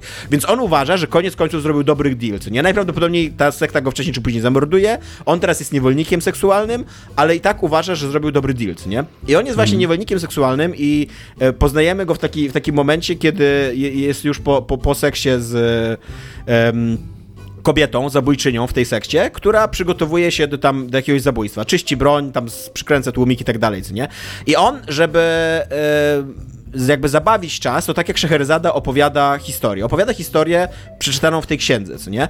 E, I nie kończy tej historii, ponieważ tak jak Scheherazada, dzięki temu w jakiś sposób utrzymuje się przy życiu, że dzięki temu, że ta kobieta jest zainteresowana tymi jego historiami, to ona tam działa w tej sekcie tak, że, żeby go nie mordowali, co nie? Że tego to jeszcze zostawcie, co nie? Tego tam jeszcze, ten jest dla mnie przydatny, co nie? I to jest tak naprawdę, ty się bardzo niewiele dowiadujesz od tego świata, o, o tym świecie. Bardzo nie ma tam żadnego potwora, nie ma tam żadnej niebezpiecznej sytuacji, jest tylko jakaś księga, jakaś taka bardzo prozaiczna sytuacja, po prostu rozmowy po seksie, co nie? Ale jednocześnie to wszystko, co jest tam zarysowane, że właśnie, że są jakieś potęgi, że są jakieś księgi, że wiedza ukryta w tej księdze jest tak cenna, że ten człowiek czuje, że zrobił dobry deal na tym, co nie? Że ta kobieta idzie kogoś zabić, że oni się jeszcze kiedyś spotkają i tak dalej. To jest tak interesujące, że kurde, sobie myślę, wow, dobre, to, to, to jest taki fajny, taki właśnie pik w bardzo interesujący, takie, takie, takie spojrzenie, takie, takie zajrzenie, co nie? Jak przez lufcik do bardzo interesującego świata, co nie? I, i pod tym względem ta książka, te, te opowiadania są super, tylko trochę męczące jest to, że to są cały czas opowiadania, jakby, że to, ta, ta książka mm. cała taka jest, nie? Bo jest taki moment, kiedy ja sobie w końcu myślę, okej, okay, jestem już, jakby złapaliście mnie już na haczyk, co nie? Kiernan, złapałaś mnie na haczyk. Chciałbym teraz dostać jakąś prawdziwą fabułę, chciałbym się zagłębić w ten świat, co nie? A nie mam takiej sytuacji, jakby nie, nie mam takiej możliwości, bo to są tylko opowiadania, bo cały ten tom to są opowiadania, co nie? Więc, e, więc to, co jest największą, największą siłą tego tomu, jest też moim zdaniem pewną słabością tego domu. E, ale tak, ale polecam bardzo, są to dobre opowiadania, jest trochę spaczone są, jest trochę takiego właśnie spaczonego, y, brudnego seksu, bo Lovecraft zawsze był podszyty taką, taką seksualnością, no taką, nie chcę, nie, no nie chcę tutaj jakiś, nie wiem, king shame'ować nikogo, co nie, ale, ale jakimś takim brudnym, trochę przemocowym seksem i tak dalej. Są bardzo, e, są bardzo queerowe te opowiadania. E, ponieważ e, Caitlin Kiernan jest w ogóle po operacji zmiany płci. E, i, I to jest w ogóle super na plus, ponieważ Lovecraft był rasistą i, i cholernym faszystą. I, jak, i, im więcej wpakowanie tam teraz czarnych i, i, i queerów do jego świata, tym lepiej, co nie? Jakby, żeby mu tam na, na pochybę Lovecraftowi, co nie? Mm. I, I tak, i jeżeli szukacie czegoś takiego, jeżeli odpowiada wam forma opowiadań, bo wiem, że dużo osób nie lubi czytać opowiadań, co nie? Bo lubi, woli jakby taką fabułę, do której na dłużej się, się, się zanurzy. E, to jeżeli lubicie opowiadania, lubicie mitologię Cthulhu i lubicie takie, właśnie też was boją, boicie się skali, że tak, że tak e, się wyrażę, to, to, to, to jest dobra książka, po prostu to polecam, co nie? Tylko ona nie jest straszna, ale też moim zdaniem mitologia Cthulhu nigdy nie była straszna. Była fascynująca w jakiś tam sposób, ale... Ty już pożerasz horrory tam jak zły, więc już to się nie, ale... nie, już nie, nie znasz strachu. Nie, właśnie to nawet nie wynika z tego. Właśnie wynika. Mi się wydaje, że, że Lovecraft nie był dobry w horror, nie? Był dobry w wyobraźnię. Ale te jego opowiadania i książki, a ja je czytałem no, z nastolatkiem, więc byłem bardziej mhm. narażony mm. na, właśnie na jakieś takie sztuczki, wiesz, psychologiczne, co nie? One mnie nigdy nie straszyły. Jakby nigdy nie potrafiłem się tego bać. Być może są, jeżeli są jakieś takie fantazje, na, na, jakieś takie, wiecie, apokryfy do mitologii Cthulhu, które są autentycznie straszne, bo tam mnóstwo przecież pisarzy w, tym siedzi, to polećcie mi jakąś książkę, bardzo chętnie coś takiego przeczytam. Ale ja osobiście nie wierzę w horror, w taką, nawet nie horrorową, no bo tak Iga by powiedziała, że to jest horror, bo ma wszystkie cechy horroru, nie się z tym zgadzam, ale w taką zdolność do straszenia mitologii Cthulhu, o to, w to nie wierzę, co nie. Mhm. Jest, Iga jednak jest obecna w tych odcinkach, nawet takiej nie ma. tak. tak, to prawda. Back to you, Dominik. Yy, kolejne pytanie muszę zadać sobie znowu. Tak. Z tego, z tego niezręcznego powodu. A ja znaczy- jeszcze tylko powtórzę, bo prosiliście zawsze, żebyśmy powtarzali tytuły. Domy na dnie morza, Caitlin N. Kiernan. R. Kiernan. Yy, czy zdarza nam się oceniać ludzi, którzy grają mm, nie stosując się do naszych wymyślonych zasad? Yy, I tak. To znaczy, może nie, nie do końca, ale jeżeli chodzi o tą moją zasadę przygodówkową, ja mam trochę problem, kolejny problem z systemem hintów. Jakby być może nie będę ciebie oceniał, Tomku, jeżeli przejdziesz Monkey Island korzystając z systemu hintów. Znaczy nie nazwałbym tego, że przejdziesz tą grę, ale po prostu. Dominik teraz musi mnie tu dopieprzyć, bo wie, że ja mu dopieprzę.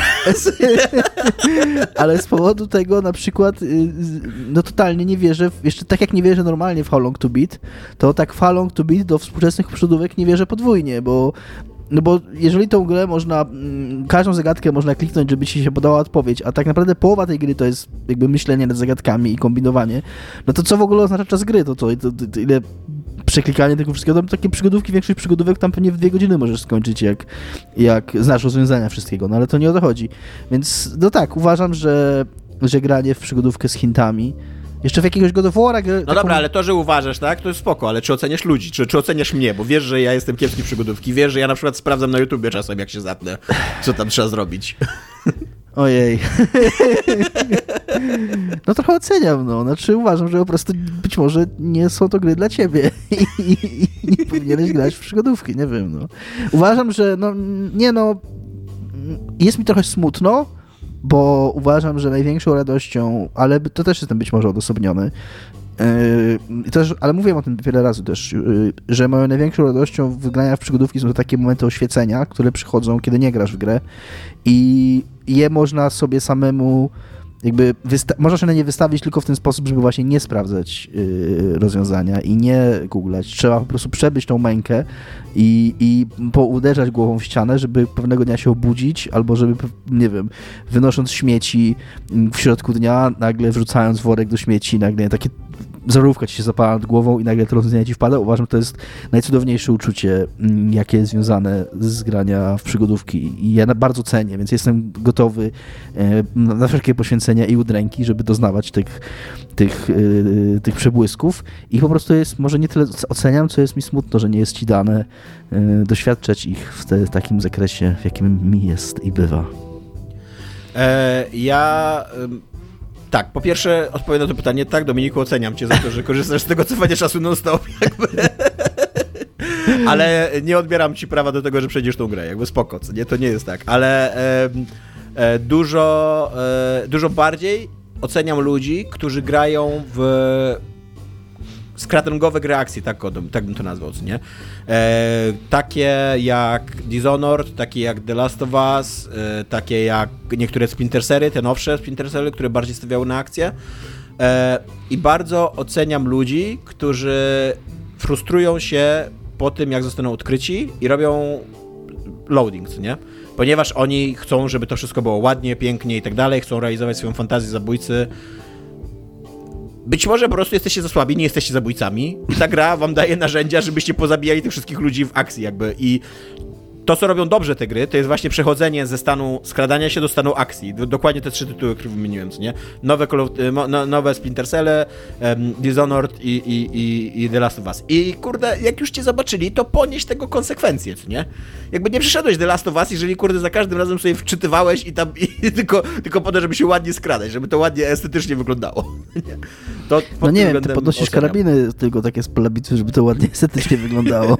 nie, w The Last of Us to nie mam tego problemu, bo tam jest walka o przeżycie i tam w ogóle, wiesz, znalezienie broni jest mega trudne i tak dalej, tam możesz biegać czym chcesz. A to jest, to jest bardzo ciekawa odpowiedź na to pytanie, bo ona się trochę łączy z moją odpowiedzią na kolejne pytanie, które brzmi, czy udało nam się jakąś grę, która kiepska była, nie wiem, jakoś nie po polsku mówię.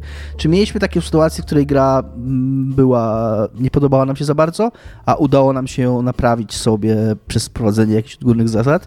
I ja sobie tutaj wpisałem, e, bo długo myślałem nad tym pytaniem i, i chyba nie mam jakiejś oczywistej odpowiedzi, bo bo raczej po prostu mam za dużo gier do grania niż za mało w ostatnim czasie, więc jeżeli mi się coś słabo gra, to po prostu w to nie gram, a nie, a nie wymyślam sobie jakieś, skaczę przez jakieś płonące obręcze i robię jakieś fikołki, żeby mi się w to dobrze grało. Po prostu jak mi się źle gra, to mi się źle gra i nara. Ale wpisałem sobie tutaj pierwszego Deus Exa, w którym uważam właśnie, że robienie tego, czego ty, co, czego ty, czym ty gardzisz w Dishonored yy, naprawia pierwszego Deus Exa, bo pierwszy Deus Ex ma fatalne strzelanie yy, i to jest w ogóle problem wielu starych skradanek, że właśnie i to jest być może coś, co, czego ludzie się nauczyli grając y, w te klasyczne skradanki, w jakiegoś Tifa na przykład. Tif to w ogóle był tak zaprojektowany. Jasne, mogłeś się tam bić, ale no fatalne była, fatalny był ten system walki. E, w Tifie to w ogóle w zasadzie chyba nawet nie dało się za bardzo. To był bardzo w teorii tylko mogłeś się bić z tymi ludzikami. Tak naprawdę była kwestia tylko jak długo będziesz biegał zanim po prostu to cię zabije i wczytasz save'a zanim cię odkrył. E, w Deus Exie pierwszym teoretycznie była to już gra, w której można było grać jak się chce, czyli strzelać, skradać się albo hakować, e, ale, ale to strzelanie było, i teoretycznie można było, jakby to, to nie było tak właśnie jak w Tiffie, że, że ten, normalnie było tyle amunicji i mogłeś być tutaj silny, bo ta gra była też rpg więc mogłeś sobie rozwinąć tam strzelanie i tak dalej na tyle, że, żeby być w stanie zabijać te ludziki, ale nie było żadnej frajdy z tego strzelania, ono było bardzo, bardzo złe. Jakby ja bardzo szanuję tę grę i, i bardzo szanuję jej spuściznę i, i to, co i też na ile, na ile wizjonerska była w swoich czasach, jeżeli chodzi o taką reaktywność i to, te wszystkie mm, e, te emergency-mowe elementy, które, z których cały Looking Glass i, i później ca, cała ta fala właśnie arcane'owa z tego wyrosła, więc to jest bardzo ważne, to co ta gra wprowadziła. Natomiast mm, jeżeli chodzi o, takiego, o taką po prostu akcję, którą, która się w niej pojawiała, jak cię wykryli, no to było po prostu złe. No. I to było złe już w swoich czasach. To nie jest nie, tak, że to. Z tym się zgadzam. Jakby są gry, które są po prostu kiepsko zaprojektowane, które tak naprawdę starają się być skradankowymi grami akcji, ale nie są. Ale już na przykład nowe, nowe Deus Exy, gdzie masz strzelanie całkiem kompetentne i tak no dalej. Tak. To, no tak, no jak cię odkryją, to poszczelaj sobie, no kurde. Tak, ale no uważam, że właśnie, że pierwszy Deus Ex y, wymaga takiego podejścia, nawet jeżeli go nie wymusza na graczu. Czy ty masz jakiś taki przykład czegoś takiego? E, jeszcze raz musisz powiedzieć, czego takiego? Gra, która, mm, którą miałeś jakiś problem, może niekoniecznie była kiepska albo zła i ten problem udało ci się naprawić przez wprowadzenie sobie własnych zasad. Udało mi się trochę naprawić, tak jak mówiłem, miałem problem, że obniżyłem sobie w Sifu poziom trudności do easy e, i on był zbyt easy. To jest w ogóle coś, co, mi, co, co mnie dosyć wkurza, że, e, że, że łatwe poziomy trudności są za łatwe często, co nie? Jakby mam czasem taki moment, że nie chce mi się grać na normalu, że on jest jakiś tam zbyt wymagający, ale easy już jest czasem w ogóle uwłaczający, co nie? E, godności ludzkiej. E, I w związku z tym w Sifu nie używałem broni, takiej tam desek jakichś, łomów i tak dalej. No bo, bo już z, no centralnie była za łatwa ta gra, co nie? Jak tam wszedłeś z łomem, ani z pięściami. E, więc, więc tak, więc no starałem się tego nie robić. Swoją drogą, This Justin, pi, pi, pi, pi, pi, pi. E, Sifu będzie w Game Passie, dobrze gdzieś widziałem? Teraz nie lep, znaczy, Oni zapowiadali, że będzie w Game Passie już tam wieki temu, ale nie wiem, czy to tak, jest aktualne tak. jeszcze. No właśnie, wydaje mi się, że gdzieś ostatnio widziałem newsa o tym, a teraz nie mogę tego znaleźć. Jest, że wyjdzie na Xboxa 28 marca. Tak, będzie w, w Game Passie, więc y, pod koniec marca 28, więc też sobie zobaczę i, i taka informacja dla y, Game Passowych nerdów, które słuchają nasz podcast też może. Y, to jest w ogóle ciekawe, co powiedziałeś, bo mm, to mnie prowadzi trochę do kolejnego pytania o poziomy trudności, bo wiem, że ty jesteś wyznawcą takiego mm, bycia takim difficulty level fluid, że tak powiem, tak. Czyli, czyli że dopasowujesz, jakby lubisz dopasowywać poziom trudności do, do tego, co się dzieje, jakby nie masz tym problemów w trakcie gry, nie tak? Wiem, nie wiem, czy ja lubię dopasowywać poziom trudności, bo nikt nie lubi chyba siedzieć w settingsach, ale uważam, że to powinno być. Jakby e, uważam, że to jest część tego tam wielkiego, ważnego teraz ruchu walczenia o accessibility. I accessibility to jest nie tylko tam jakby zmiana kolorystyki dla ludzi, którzy mają problemy z rozpoznawaniem kolorów i tak dalej, ale również e, robienie gry bardziej przystępnej dla ludzi, którzy na przykład mają słabszy refleks, mają mniej czasu, bo mają dzieci i tak dalej, a wciąż chcą się bawić. I uważam, że to jest zawsze na plus. Jeżeli gra może być trudna, może być zaprojektowana jako trudna i jakby możesz twórcy mogą chcieć, od ciebie wymaga, znaczy chcieć, żeby ona była trudna dla um, no po prostu, żeby, żeby, żebyś miał z nią problem, ale wydaje mi się, że, że to jest tylko dobrot, nie? Że możesz wejść do tych opcji i sobie tam pozmieniać, w stylu, tak jak mówiłem ostatnio o Need for Speedzie, żeby zmienić tylko, tylko pościgi, co nie policyjne, żeby po prostu policja była mniej, mniej upierdliwa. Że nie przeszkadza... Dobry, dobry poziom trudności miałem w rajdach, a w pościgi policyjne złe, co nie? Że, y, że nie wiem, że jakieś pomocy w celowaniu, w strzelankach i tak dalej, takie włączenie, nie, nie tylko globalne trzy poziomy, easy, normal, hard, ale właśnie też wchodzenie w jakieś takie drobne ustawienia, co nie? E, I mówię, no ja być może z tego nie, bym często nie korzystał, chociaż też nie widzę w tym nic złego, ale uważam, że to powinno być. O ile jest to możliwe i... no i tak. Bardzo fajnym przykładem czegoś takiego były te nowe Tomb Raidery Wiem, że Shadow tak. of the Tomb Raider to miał, że miał osobne trudności na walkę, na eksplorację i na zagadki. Yy, że, że tam jak eksplorację sobie ustawiłeś trudniejszą, to nie było tych takich plam farby pokazujących, gdzie możesz tak, skakać. Tak. I, a jak tam trudniejsze zagadki, to nie było hintów, które Lara mówi. To jest fajny, to jest fajna koncepcja. Jakby za tym faktycznie z tym się jestem w stanie zgodzić. Za to ja z kolei jeszcze wśród swoich dziwnych zasad których, które na sobie wymuszam i to jest zasada, która szkodzi nikomu, znaczy w sensie tylko mi szkodzi, o, tak, tak chciałem powiedzieć, to absolutnie, jestem absolutnym wrogiem zmieniania poziomu trudności w trakcie. Uważam, że jeżeli poziom trudności, znaczy i tutaj nie oceniam nikogo, ale jeżeli ja wybiorę sobie poziom trudności na początku gry na normal, to nie mam prawa go, jakby nie mam żadnych, jakby przed światem i Bogiem nie mam, nie żadnego uzasadnienia, żebym zmieniał ten poziom. Powinienem się trzymać swojej decyzji i tak grać, bo inaczej się nie liczy. Y, co y, jest trochę problemem dla mnie, bo na przykład y, RPG, w które tam namiętnie grałem, te izometryczne, yy, od zawsze mają, zresztą nawet nie tylko izometryczne, bo i Wiedźmin 3, nasz polski, kanonizowany święty, miał ten sam problem. Yy, te gry, no one nie potrafią, ich się nie da tak jak masz grę dla pojedynczego gracza. One są na ogół dużo, dużo trudniejsze, one mają taki odwrócony, odwrócony trochę poziom, ten, tą krzywą poziomu trudności, czyli są trudne na początku, szczególnie jak sobie na hardzie, tam na jakimś wyższym poziomie trudności włączysz, są, wtedy są, no próbowałem grać trochę w Wiedźmina na najwyższym poziomie trudności, czy, czy nawet jak tutaj Pilarsy teraz gram, że są super trudne na początku, ale im więcej robisz, im więcej zdobywasz stafu, robisz pobocznych rzeczy, to, to jakby się wyrównuje i się robi coraz, coraz łatwiejsze. Więc y, pojawia się takie jakby naturalne byłoby dla mnie, żeby sobie zwiększyć ten poziom trudności, żeby nadal się dobrze bawić. No jak już wybrałem na początku najwyższy, to jasne, nie? ale jakby nie zaczynam nigdy tak gry, gram pierwszy raz, żeby wybierać najwyższy poziom. Ale jak grałem w Pilarsy sobie kiedyś na normalu i też na początku na normalu, jak grałem pierwszy raz, były dla mnie trudne, to jak później się zaczęły być za łatwe, to jakoś zupełnie jakby nie rozumiałem, jak ja mogę, jak ja jak to ja mogę sobie zwiększyć poziom trudności? Jakby, jak, to, jak, jak to się będzie liczyło wtedy? muszę przejść na poziomie trudności całość i wtedy albo to grę przeszedłem tak, albo nie. I jakieś to jest takie dla mnie, nie wiem, niekomfortowe bardzo. Nie, ja z tym nie mam problemu. Jakby, jeżeli gra mnie frustruje, to zmieniam poziom trudności lubię się dobrze bawić grając. Jest to dla mnie istotne i, e, i tak, i staram się po prostu dobrze bawić. I zdarza mi się, zdarza mi się grać na easy i w ogóle nie mam z tym problemu. Jakby. Easy like Sunday morning. E, to jest coś swoją drogą. Nie będziemy tu wchodzić w dyskusję mm, po raz dziesiąty w internecie, czy Soulsy powinny mieć, czy From Software powinni mieć niższy poziom trudności, bo nic w tej dyskusji nie osiągniemy, ani nic nowego nie powiemy. A zastanawiam mnie, czy uważasz, że łatwe gry, bo ja zacząłem też ostatnio troszkę grać w tego Mario nowego, mm, znaczy nowego, jak to się nazywa, Super Mario, coś na 3D World, ten co na, na Switcha wyszedł.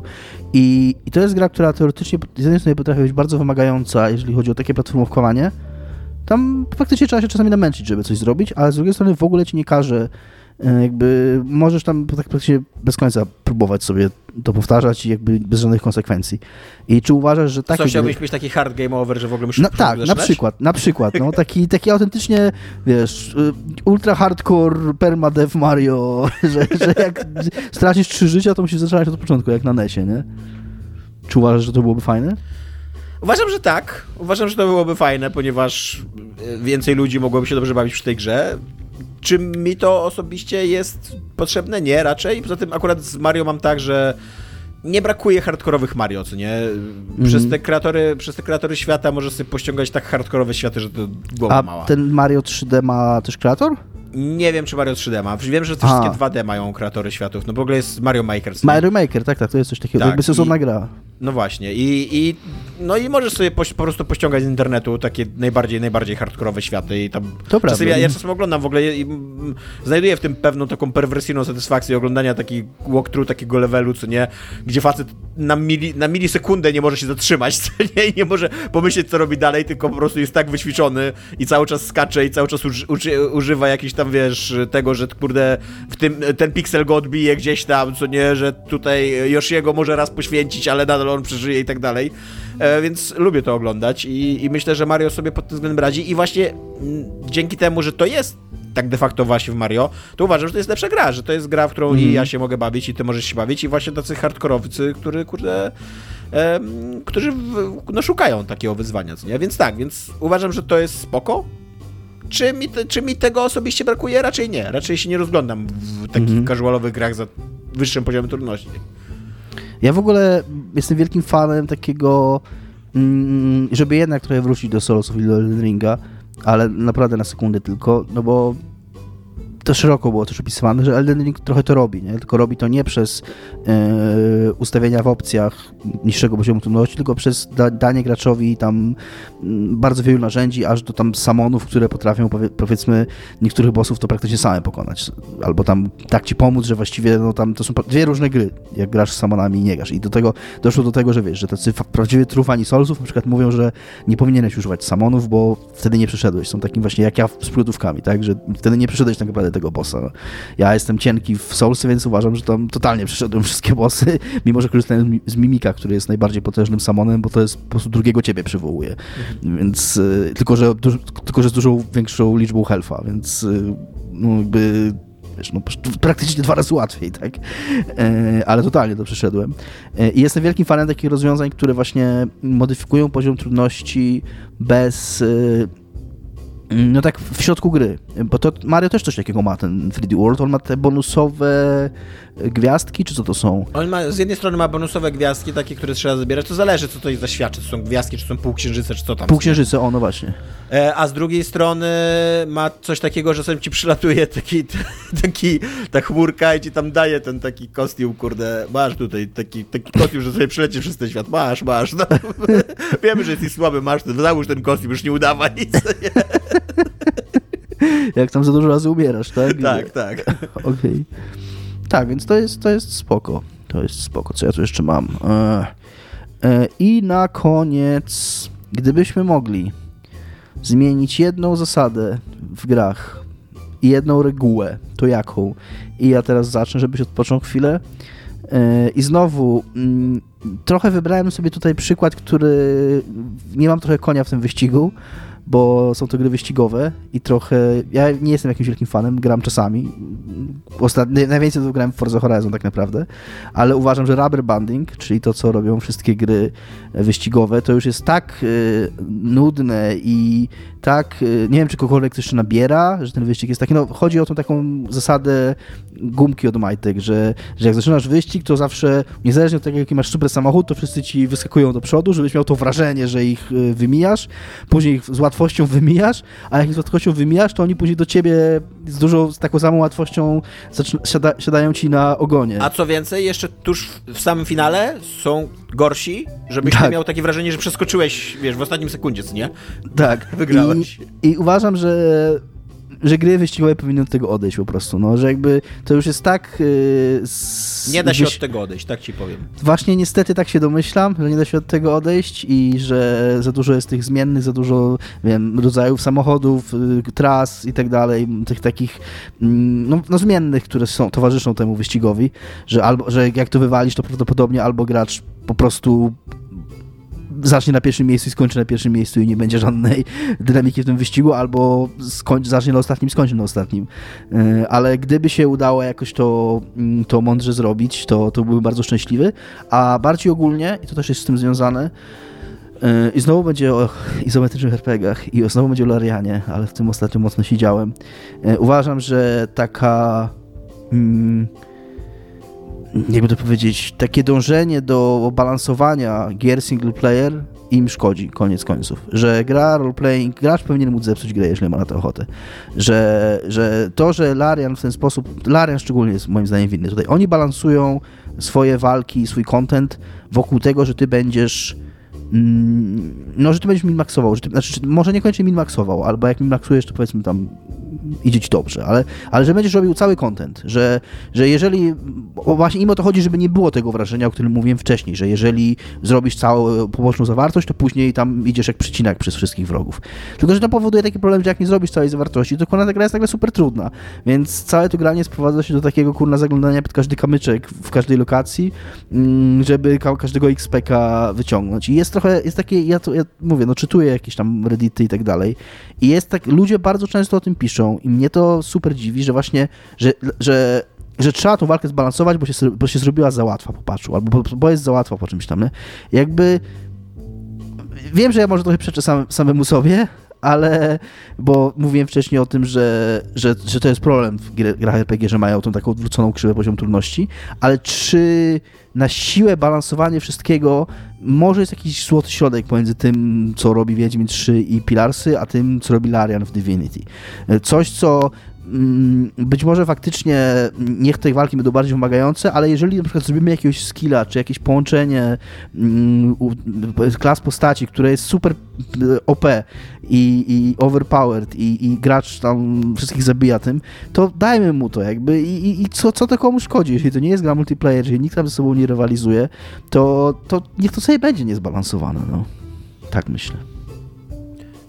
Ja się trochę zgadzam z tym, co mówisz, tylko że mm, to jest bardziej skomplikowany temat, bo z kolei uważam, że gry RPG, RPG tak jak na przykład twój Pathfinder, e, nie powinny pozwalać tworzyć e, buildów postaci, które po prostu nie przejdą tej gry, nie? To też jest prawda.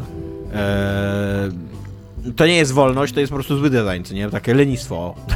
Pathfinder jest mega winny temu. Mega. Divinity trochę też, że, że właśnie to, znowu przepraszam, cytuję Jessa Sawyera, dzisiaj Jess Sawyer powraca, ale oglądałem ostatnio sobie jego e, wystąpienie z GDC o Pilarsach i o projektowaniu Pilarsów 1 i właśnie on mówił o czymś takim, że ich celem było stworzenie wywalenie takich pustych y, tych dump stats, to nazywa, dump stats, czyli statów, które, e, które po prostu olewasz, które y, sprowadzasz do, do, do, minimalnej wartości, bo wiesz, że twój wojownik musi mieć siłę i kondycję wysoką, a inteligencję może mieć jakkolwiek nisko małą, bo ta inteligencja nic nie robi dla tej klasy postaci.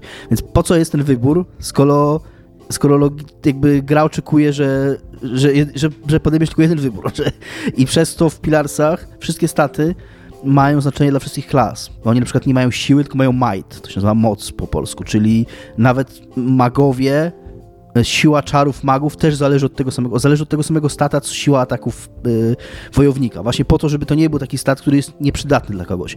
A z kolei właśnie yy, fani Pathfindera nie lubią tego, bo oni lubią wymyślać buildy i oni uważają, że skoro każdy build jest dobry, to im się zabiera frajdę z wymyślenia buildów.